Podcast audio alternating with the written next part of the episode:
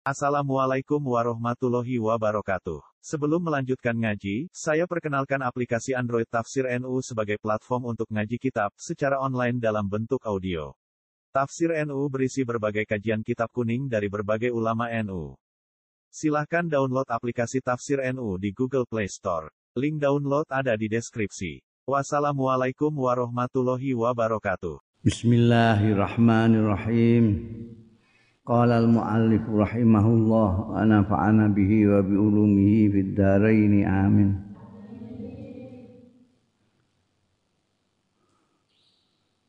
Kok dikharokati barang kila apa?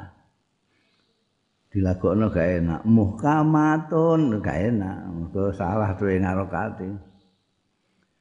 Muhakkamatun fama tubkina min subahin lidhi shikakin wa ma tabghina min hakami. Nek kowe manut harokate tukang cetak iki gak iso mbok lakono muhkamatun fama to gak enak. Muhakkamatun masih harokate muhakkamatun muham muhakkamatun. Ayat-ayat hak iku ayatu hakin minar rahman itu iku didadekno hakim. Famatukina maka tidak menyisakan ya ayatu hakin tidak menyisakan itu apa cara Jawa ini orang ngerekake ora. Gak enak ngono orang ngerekake. Tidak menyisakan min subahin saking keraguan-raguan lidhi sikokin kedua wong sing duweni e, pertentangan. Wa matabghina lan ora butuhake ya ayatu hakin min hakamin saking juri hakim yang lain sudah nek ana wong bertikai cukup ayatu hakin itu wahyu-wahyune Gusti Allah jenenge Quran itu jadikan hakim sudah selesai. Tidak akan menyisakan persoalan lagi. Wong itu soalnya ndak mau sih. Ndak mau. Padahal sama-sama Islamnya kalau gegeran tidak mau menjadikan Al-Quran sebagai hakim dia mau menggunakan Quran hanya kalau sesuai dengan karpe, sesuai dengan kepentingannya. Kalau tidak sesuai, alah ngene kok Quran-Quranan barang. Gayanya gitu. Tapi sejatinya tidak mau dihakimi oleh Al-Quran. Geger benjik tidak dikembalikan ke Al-Quran ya terus geger genjik terus nanti kiamat kurang orang dino.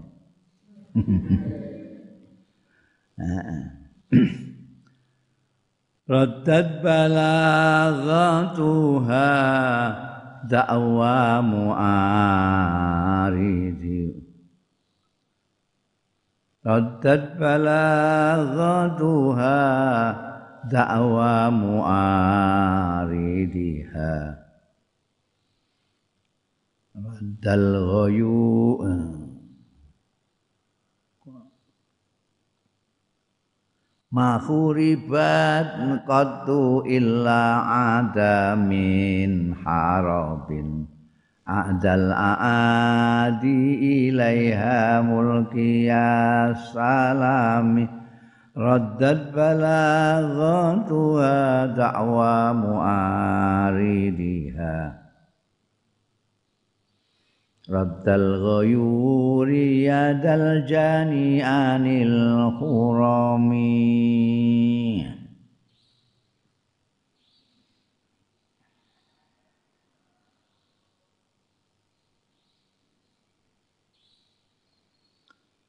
Mahuribat ora diperangi. Ya ayatu hakin qattu babar pisan. Illa ada min harabin kejaba bali min harapin saka perang. Sapa adal aadi? Luweh mungsu-mungsuing musuh-musuh. Ilaiha marang ayatu harbin mulki salami ale menibake nek cara tinju melemparkan anduk melemparkan anduk itu artinya menyerah jadi. Jadi nek Juwotosi terus terus gak iso balas belas pelatihnya harus kok sudutnya itu melemparkan anduk putih itu. Itu tanda menyerah. Rasa dihitung nah itu ngadek orang ngadek pokoknya melempar anduk berarti menyerah Mulki itu melemparkan asalam itu penyerahan penyerahan diri. Bisa kalau nenggone perang biasanya nggawa gendera putih itu juga mulki asalam maksudnya itu wong kok wani-wani ngelawan ayatu hakim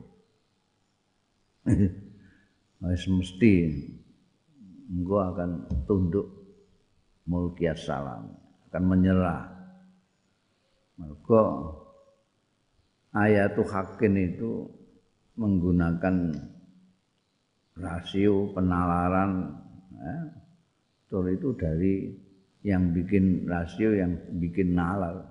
Gusti Allah. Ini tidak bisa dilawan. Lawan mesti menyerah menyerah kalah. Mulkiyas salam Rodat balekno dari dia maju sampai balik. Nolak apa balaghatuha?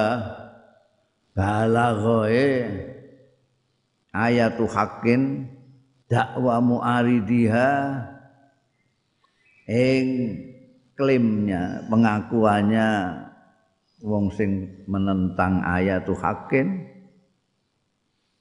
sing arep nglawan ayatu hakin raddal ghuyur raddal ghuyuri kaya nolake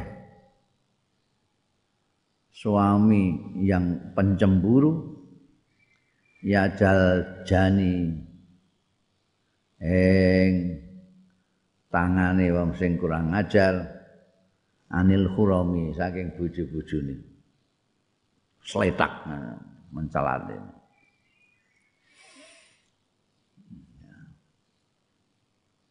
Ayat-ayat Quran kok arep dilawan. Ya, mesti telu. Biyen ada yang namanya Musailamah Al-Kadzab. Itu maunya mau nyaingi Kanjeng Nabi Muhammad sallallahu alaihi wasallam. malah sudah nyurati karena dia tidak bisa nanding kanjeng Nabi terus nyurati anu anu ada kerjasama sajalah bagi-bagi kanjeng Nabi tidak apa membagi-bagi tugas Jadi, aku sebagian sampai sebagian hmm. wong-wong lah anjing Nabi Muhammad sallallahu alaihi wasallam itu bawa wahyu dari Allah taala ayat-ayat. Nah kamu enggak gawe. Ndik ini gawe. Gawe malah buyar kabeh. Pengikutnya malah melecehkan. Iku apa? Jadi gini Quran ana surat fil iku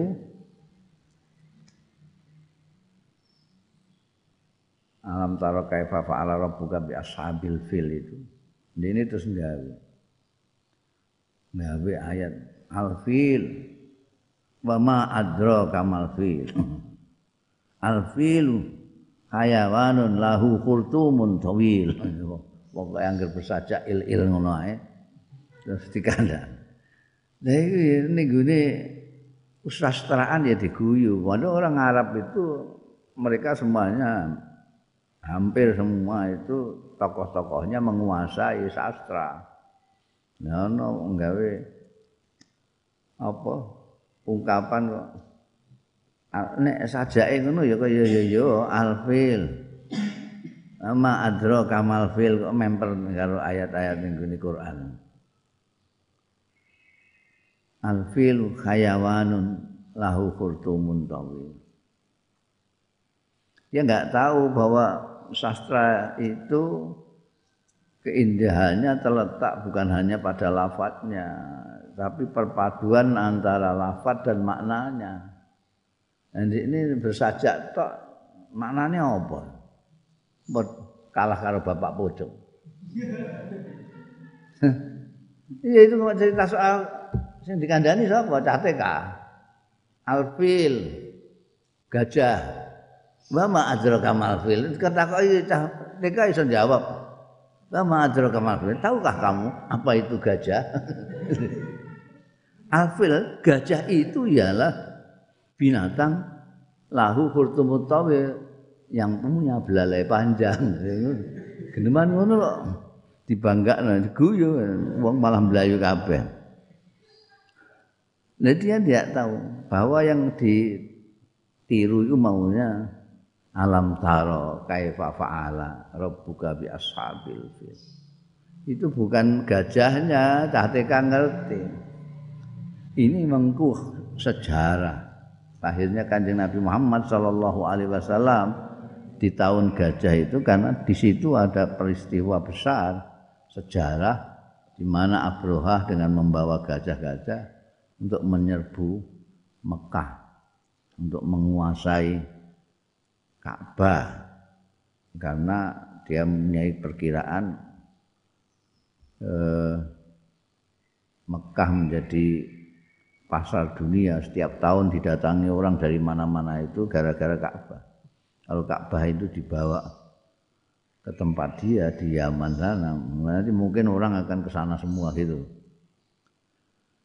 Tapi nggak ada yang mempertahankan. Pemimpin Quraisy Mekah sendiri Abdul Muttalib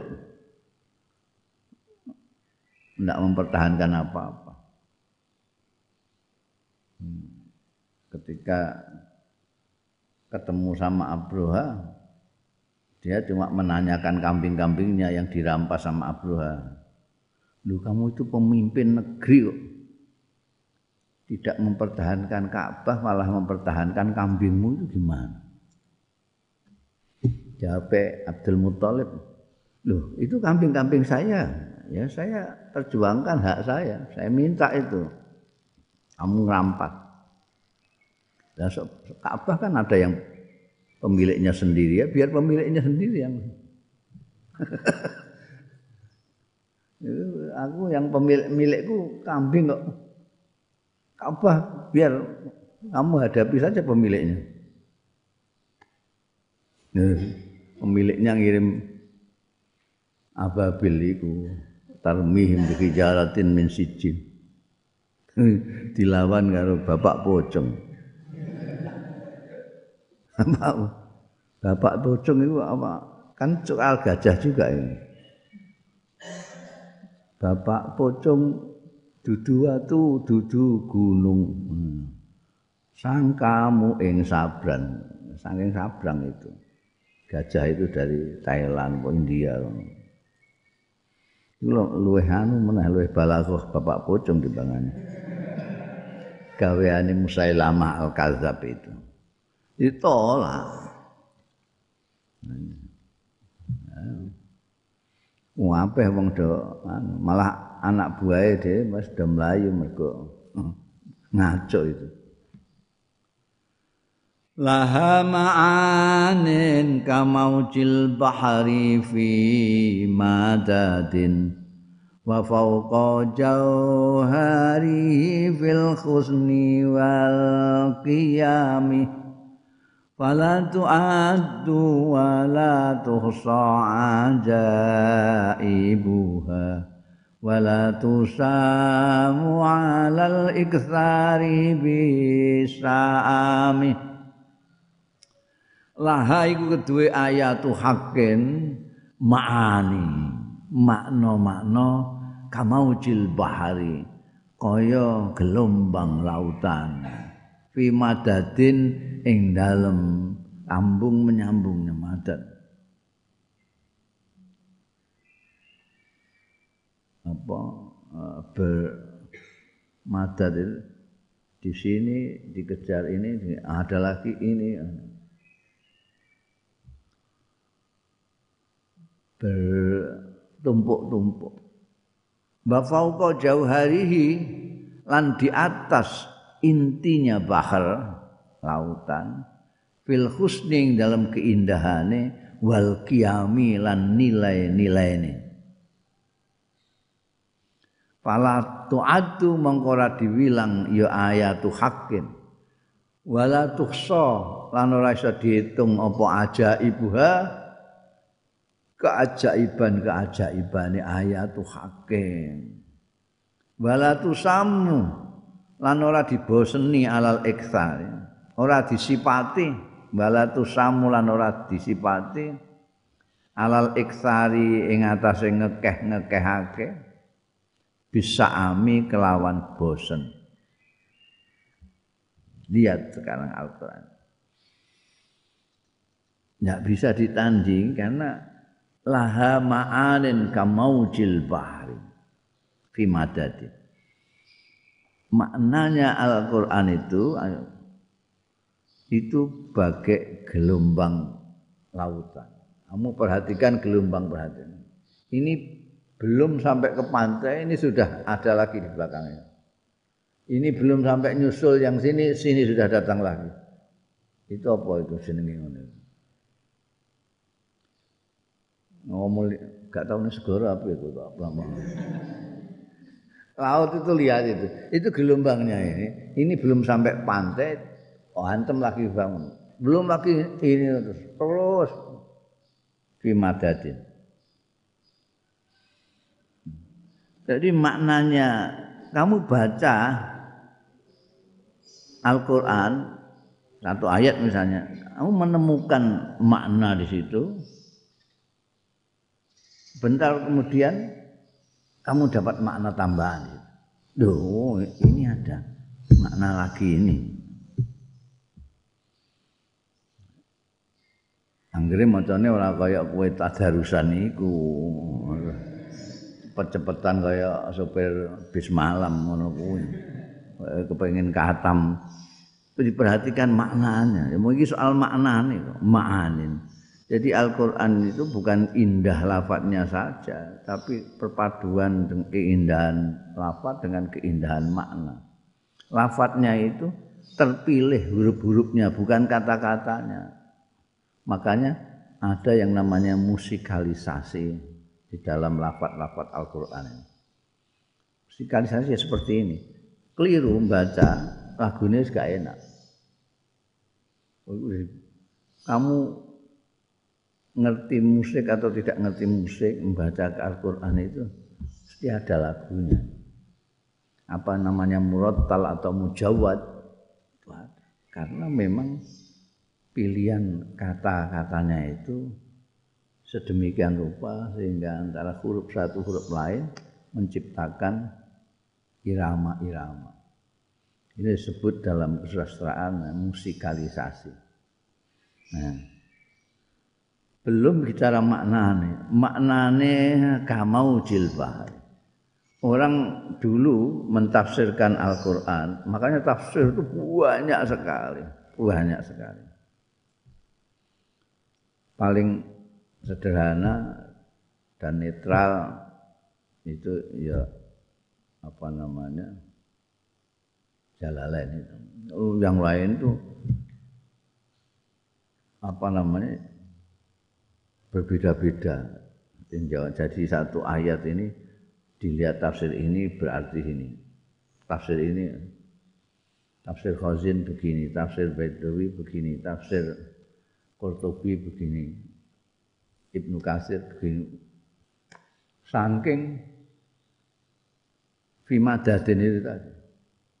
Nanti kalau ada mufasir-mufasir belakangan ini akan mendapatkan lagi makna lagi yang ayat yang itu itu juga. Misalnya sebelum ada apa namanya?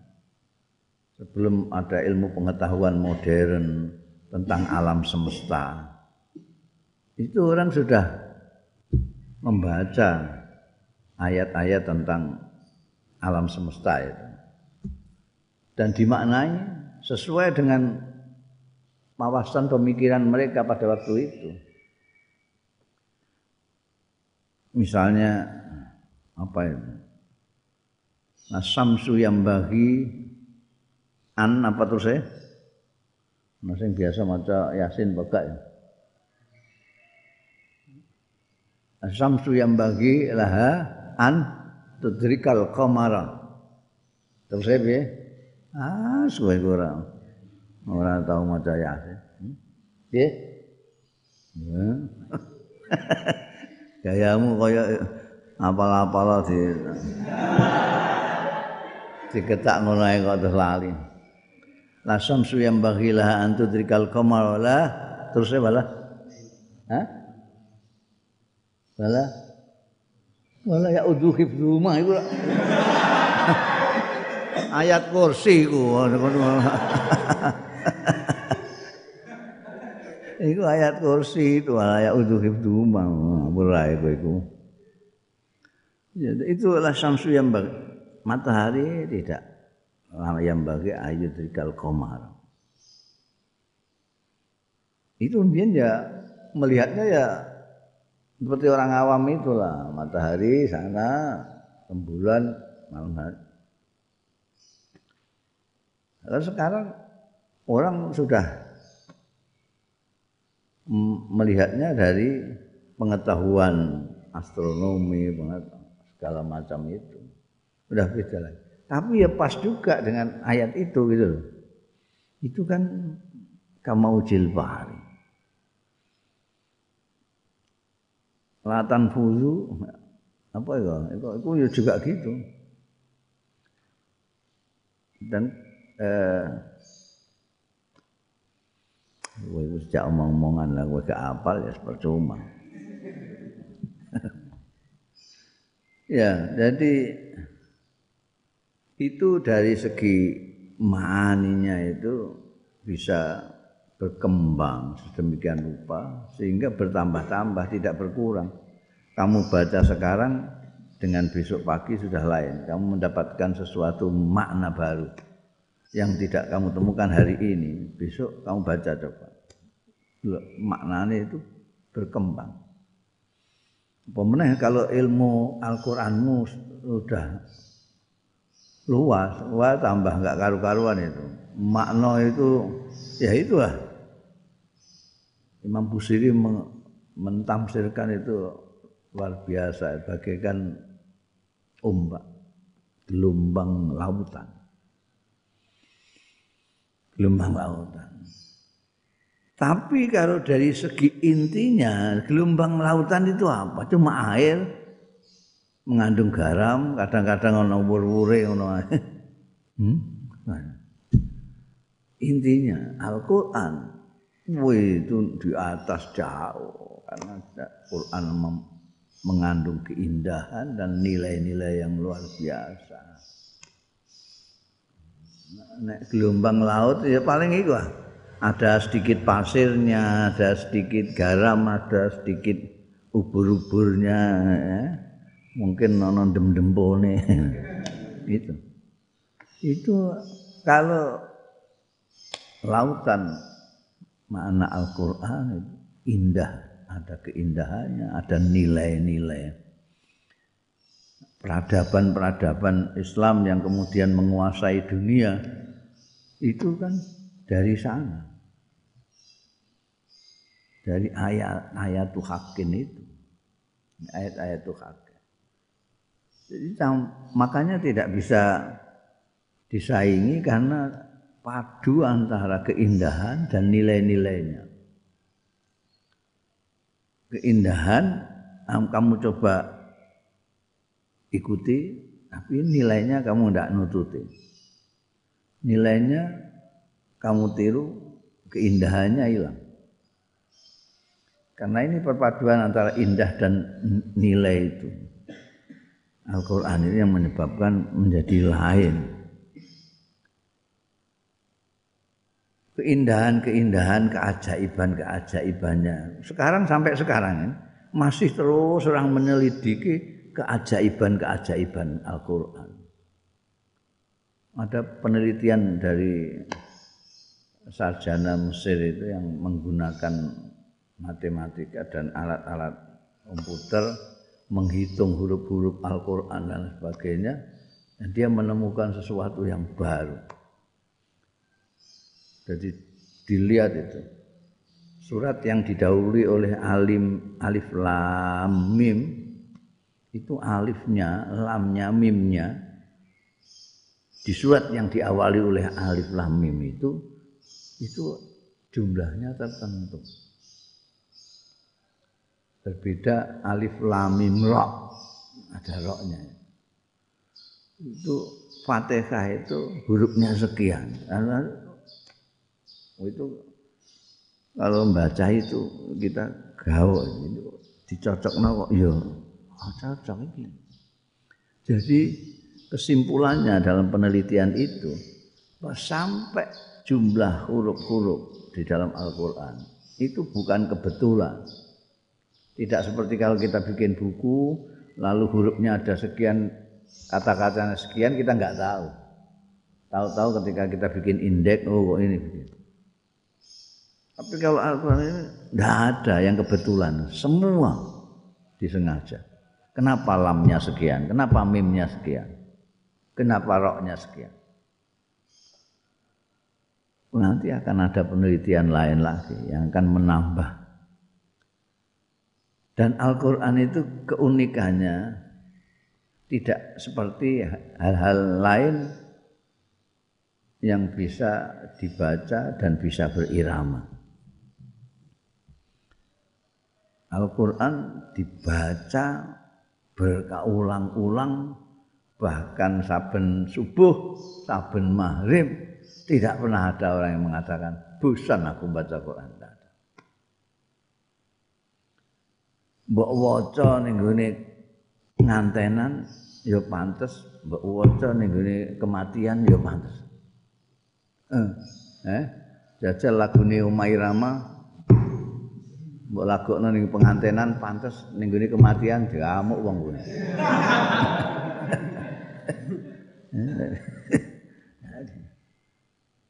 Ya. Ada. Itu Al-Quran. Qarrat biha ainu qariha fakul tulahu. Laqad dhafirta kelandaan itu tukang cetak ini. Laqad dhafirta bihablillahi fa'tasimi Karat biha ain anteng biha sebab ayatu hakin apa ainu qariha apa mripate wong sing maca. Karat ain itu tenang seneng nyaman itu karat ain. Faqarri aina itu artinya tenanglah nyamankan dirimu. Qarat biha karena biha karena ayatu hakin tadi ada rasa nyaman bagi koriha sing maca ayatu hakin Fakultu mongko ngucap sapa ingsun memberi selamat sapa ingsun lahu marang koriha. Takut zafirta teman-teman mekoleh sampean bihablillah kelawan tali ning Gusti Allah faktasimi mongko cekalana sing kuko Intat luha lamun maca sampean ha ing ayatu hakin khifatan krana wedi min hari nari ladha saking panase neraka ladha atfakta berarti kamu sudah memadamkan memadamkan itu apa bahasa Jawa nih cara Jawa nih hmm? hmm. mata ini kurang nekek. Masa geni mbok tekek. Memadamkan. Sira. Naralaza ing geni neraka ladha. Min wirdiha sabimi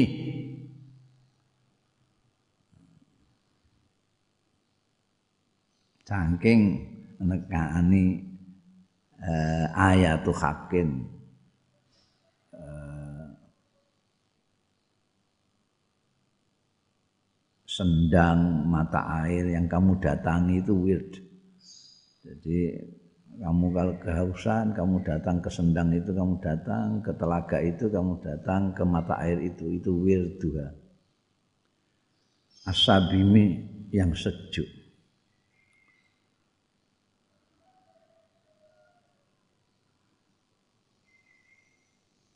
Ayatul Hakim Al-Quran itu kalau dibaca bisa membuat orang yang membaca itu tenang, nyaman sekali. Maka kalau saya melihat orang yang baca Quran, saya bilang, wah kamu ini sudah memperoleh tali Tuhan cekal di singkuko. Kalau kamu membacanya karena kamu ketakutan dengan api neraka, apa yang kamu baca itu sudah dipadam, sudah bisa memadamkan api neraka. Karena dia mempunyai apa, eh,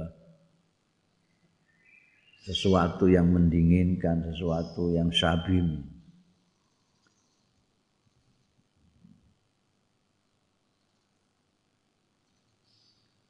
Ka'annahal khawdu tabyaddul wujuh minal usati wa qad ja'uhu kal humam wa kasirati wa kal mizani ma'dilatan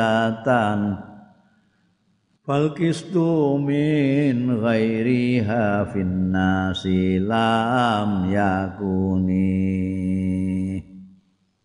ini bed dua ini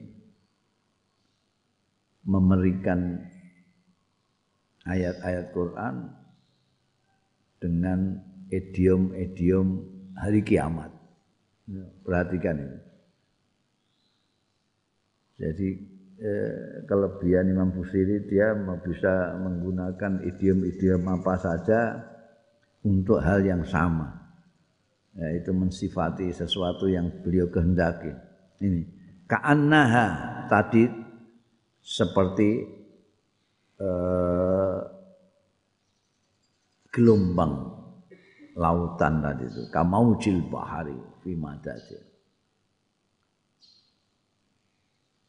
Terus seperti telaga yang bisa menyejukkan. Sekarang ini ka'annaha kaya-kaya setuhune ayatu hakin iku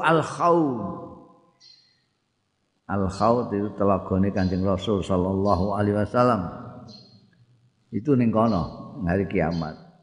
Tabyatu sing dadi putih bersih apa al wujuh pira-pira rai bihi sebab khaut nanti orang-orang yang menyintai Rasulullah sallallahu alaihi wasallam diperkenankan untuk ke telaganya Rasulullah kamu kalau menyauk mbok rauk muka jadi padang bersinar-sinar.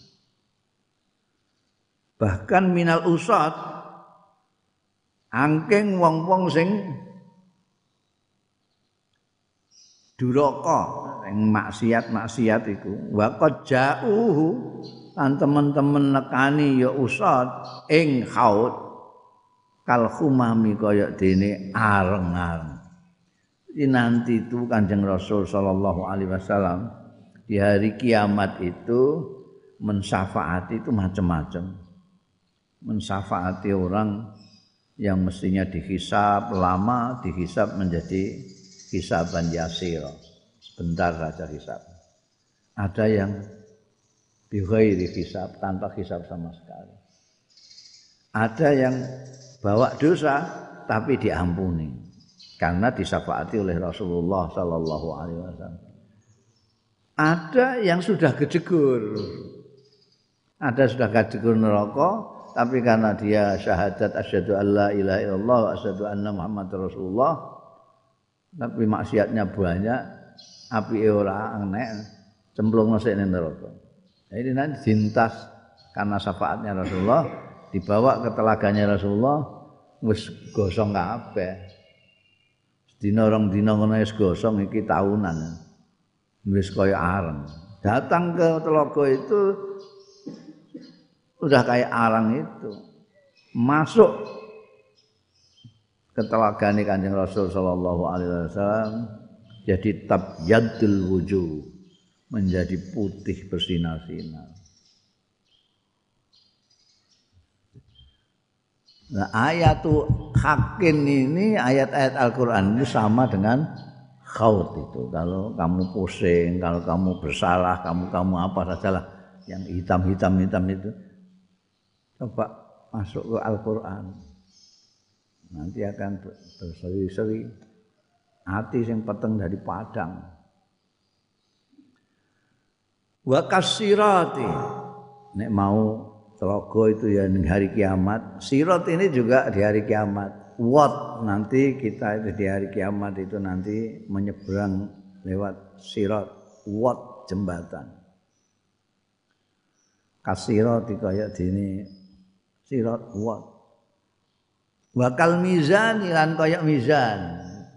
Nanti di kiamat itu orang-orang itu ditimbang amalnya. Aman sakulat mawazinu fa wa fi isyatir radiyah aman khaffat naudzubillah aman khaffat mawazinu fa ummuhu hawiyah. Ayatu hakin dispadakno karo sirat. Ya dipadakno karo mizan. Apane makdilatan jejeg Sirat itu tuh lurus, mizan itu juga jejak. Tidak dimodifikasi kalau bakule itu kan kadang di, diwai sih sekilo ditimbang iso karo tengah kilo. nah kalane bakul-bakul itu kan timbangan di utak atik sehingga kalau ini si apa timbangan yang akhiran ndak ada. Ini sak lukut, sak lukut ya tetap kelihatan. Ayat-ayat Al-Quran itu seperti itu. Lurus dan adil sekali. Falkistu min ghairiha fin nasi lam yakumi. Mongko utawi jejeg adil min ghairiha saing liyane ayatu hakin fin nasi ing dalem manusa iku lam yakum. Ora iso berdiri. Ndak iso jumeneng cari kamu. Kitab apa saja. Selain Al-Qur'an. Ndak bisa dia adil seperti Al-Qur'an.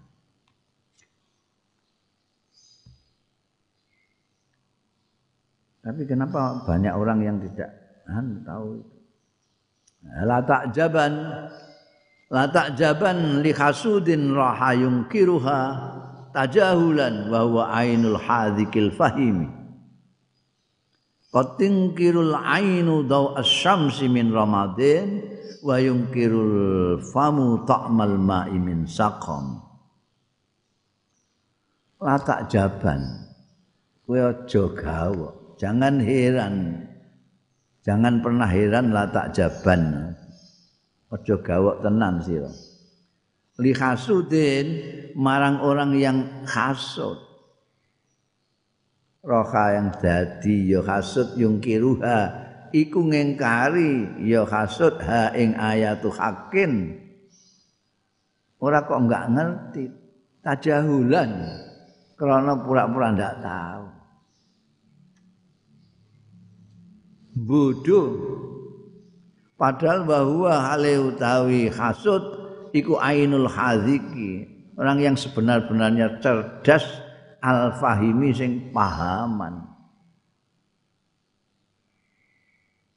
Gambari kaya yaiku katungkirul ainu.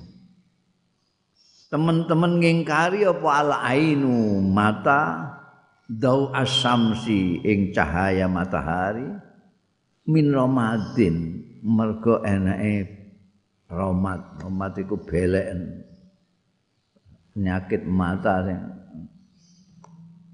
diarani beleken iku. Bayung kirul famu lan ngingkari apa alfamu cangkem tok malmai ing rasane banyu seger. Sebab apa? Min sakomin saking dene lara kalau ada orang-orang yang hasut orang-orang Yahudi itu hasut mereka. Ada ngingkari ada ayat-ayat yang seperti diterangkan tadi. Mumpung mengandung makna-makna kal maujil bahari. Makna-makna yang hebat lafat-lafat yang hebat segala macam. Kok ada orang yang tidak mengakui itu mengingkari adanya itu? Ya jangan heran. Jangan heran kamu karena mereka itu tidak mau tahu pura-pura enggak tahu. Padahal tahu persis. Ada orang-orang itu yang tahu tapi pura-pura tidak tahu. Ada orang yang tahu tapi enggak mau membaca. Kenapa? Karena tidak dapat hidayah dari Allah Subhanahu wa taala. Dulu di Belanda sini penjajah Belanda itu karena Kakuati ini melihat perlawanan dari para kiai yang santri-santri desa-desa itu. Dia ngirim senok hogronya ke Mekah. Ya sahadat kan sama kono ngaji nganti apal Quran bareng ngaji tafsir. Jenenge diganti Abdul Qahar Mbak Abdul Wafal. Terus ngelotok tafsir barang. Tapi pengetahuan yang begitu luas terhadap agama Islam itu bukan untuk diamalkan dia, tapi dipakai untuk memberikan saran kepada pemerintah Londo. Ini kalau menghadapi orang Islam gini gini gini. Ini ajarannya gini gini gini. Jadi mereka itu begini begini begini. Ngono ya. Bayangan itu uh, keajaibane hidayah Gusti Allah itu. Ya sama dengan Abu Lahab yang begitu dekat dengan Rasulullah Sallallahu Alaihi Wasallam kok tidak iman itu sama dengan senok hogronya malik mungkin mondoke ora terima ngene pondok-pondok Jawa ning Mekah Jadi ya kalau disuruh melihat Al-Quran, dia tahu. Cuma tajahulan. Ya podo karo wong beleken terus iki kok iki mendung apa ya gak ana srengenge apa ya aku mbah-mbah kok gak ana srengenge padahal panas banter. Kenapa beleken soalnya. Ora usah beleken. Aku kacamata ireng ngono ae. Wis ora iso ndelok zau usamsi Odo karo wong lara. Ngombe banyu liyane do muni seger enak, ndikne muni pahit. Pahit ini. Mergo lara. Orang-orang hasud, orang yang dapat tidak dapat hidayah ya Gusti Allah, wong lara.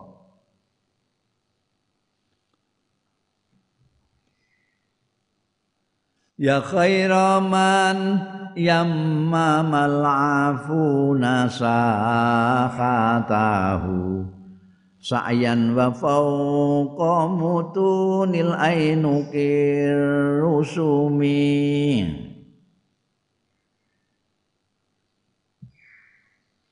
ya khairaman yammama he sak bagus-baguse wong yammamal afun.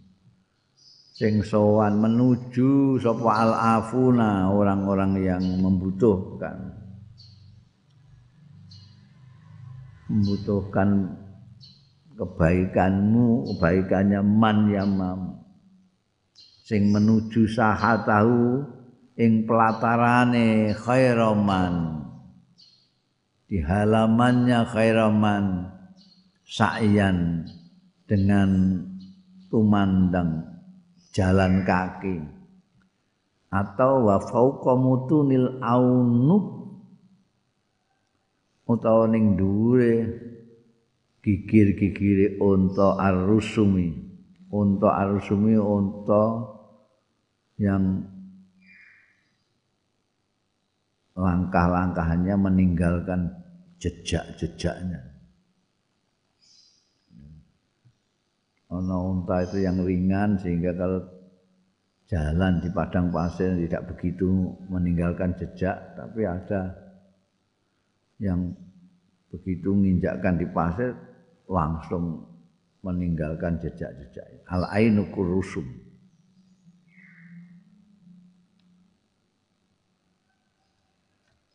Wahai itu maksudnya Kanjeng Rasul saiki. Kanjeng Rasul sallallahu alaihi wasallam adalah khairaman mamal afun. Didatangi oleh orang itu Kanjeng Nabi ada dalam uh, kitab-kitab tareh itu ada bab wufud. Wufud itu delegasi dari mana-mana yang datang sowan kepada Kanjeng Nabi. Ada yang dekat ataupun ada yang jalan kaki ada yang naik unta. Kalau naik unta itu hmm, menggambarkan orang yang dari jauh, terutama al ainu rusumi. Itu biasanya unta yang memang spesial untuk jalan jauh. Binatang yang paling kuat menentang padang pasir itu tidak ada lain kecuali unta itu.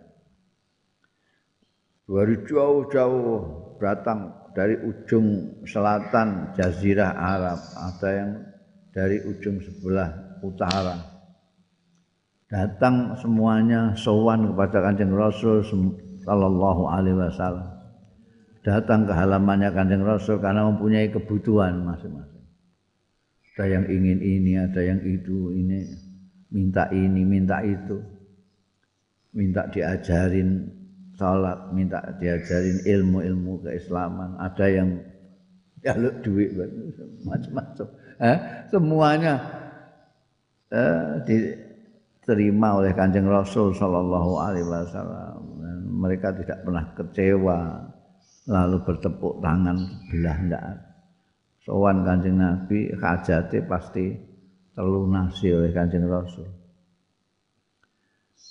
Waman huwal ayatul kubra li mu'tabirin. Waman huwan nikmatul ulma li muhtanin. Wahai orang huwa kang man iku al ayatul kubra. Tanda yang besar. Li mu'tabirin kanggone wong sing angen-angen. Nek gak duwe pikiran ya maklum. Waman dan priagung wa kang utahi man iku an nikmatul uzma kenikmatan yang sangat agung limuhtanimi kedue wong sing arep golek ghanimah mendapatkan keuntungan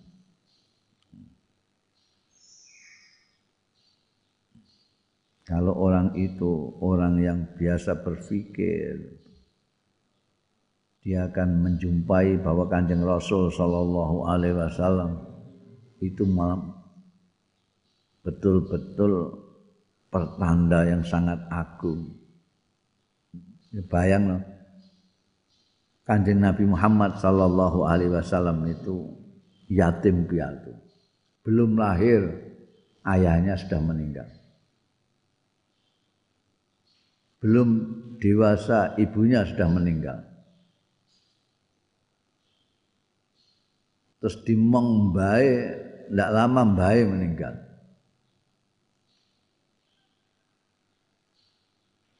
Sekarang bandingkan dengan orang yang bapak etok mulai sing mati atau mbok etok itu kayak apa? Anak itu kayak apa?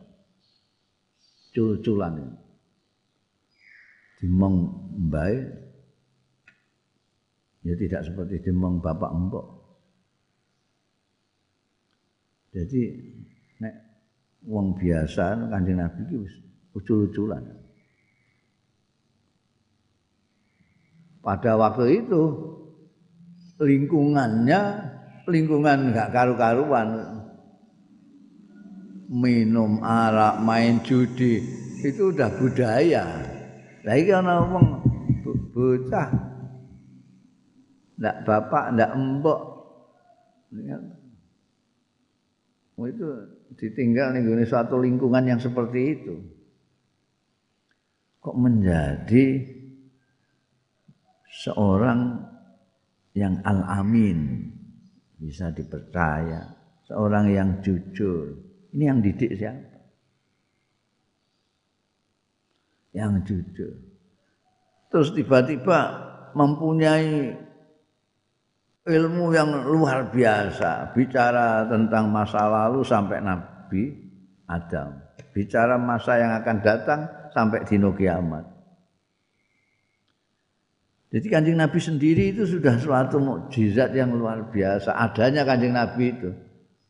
Enggak bawa apa-apa pun itu sudah mukjizat. Enggak ada di dunia ini orang yang proses kehadirannya di dunia, kehidupannya seperti kanjeng Nabi, terus bisa seperti itu. Enggak ada.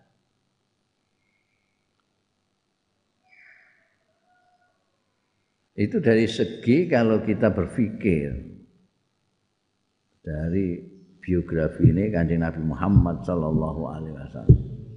Kita akan tengel-tengel melihat suatu ayat, suatu tanda kebesaran Allah Subhanahu Wa Taala bisa menciptakan manusia yang seperti kanjeng Nabi Muhammad Sallallahu Alaihi Wasallam. Dari sisi lain, kanjeng Nabi Muhammad Sallallahu Alaihi Wasallam itu merupakan nikmat yang luar biasa bagi kita semua. Kita tahu benar, tahu salah dari kanjeng Nabi. Kita tahu surga, neraka dari kanjeng Nabi Muhammad. Kita tahu akhlak budi pekerti yang baik dari kanjeng Nabi Muhammad. Segala macam tuntunan-tuntunan baik untuk kehidupan di dunia dan akhirat dari kanjeng Nabi Muhammad Sallallahu Alaihi Wasallam. Itu nikmat yang luar biasa besar. Jadi dari sisi satu sisi kanjeng Nabi itu merupakan tanda bukti kebesaran Allah yang sangat luar biasa di sisi sisi lain nikmat paling Gusti Allah yang paling besar adalah kanjeng Nabi Muhammad. Makanya kemarin kan saya ngiling no kita kok nggak pernah bersyukur diparingi Gusti Allah jadi umatnya kanjeng Nabi Muhammad Sallallahu Alaihi Wasallam. An nikmatul uzma. Tapi memang limuk tanimin hanya untuk yang orang yang kepengen dapat kalau pengen gratis bisa kak. Untuk ngono ya mbah ngono sing mbok dadekno. Tapi nek muhtanim anjing nabi lah ya. Mbok hitung-hitung itu nikmat iki nikmat iku nikmat itu sing paling gede nikmat kanjeng Nabi Muhammad sallallahu alaihi wasallam. Saraita min haramin wallahu a'lam.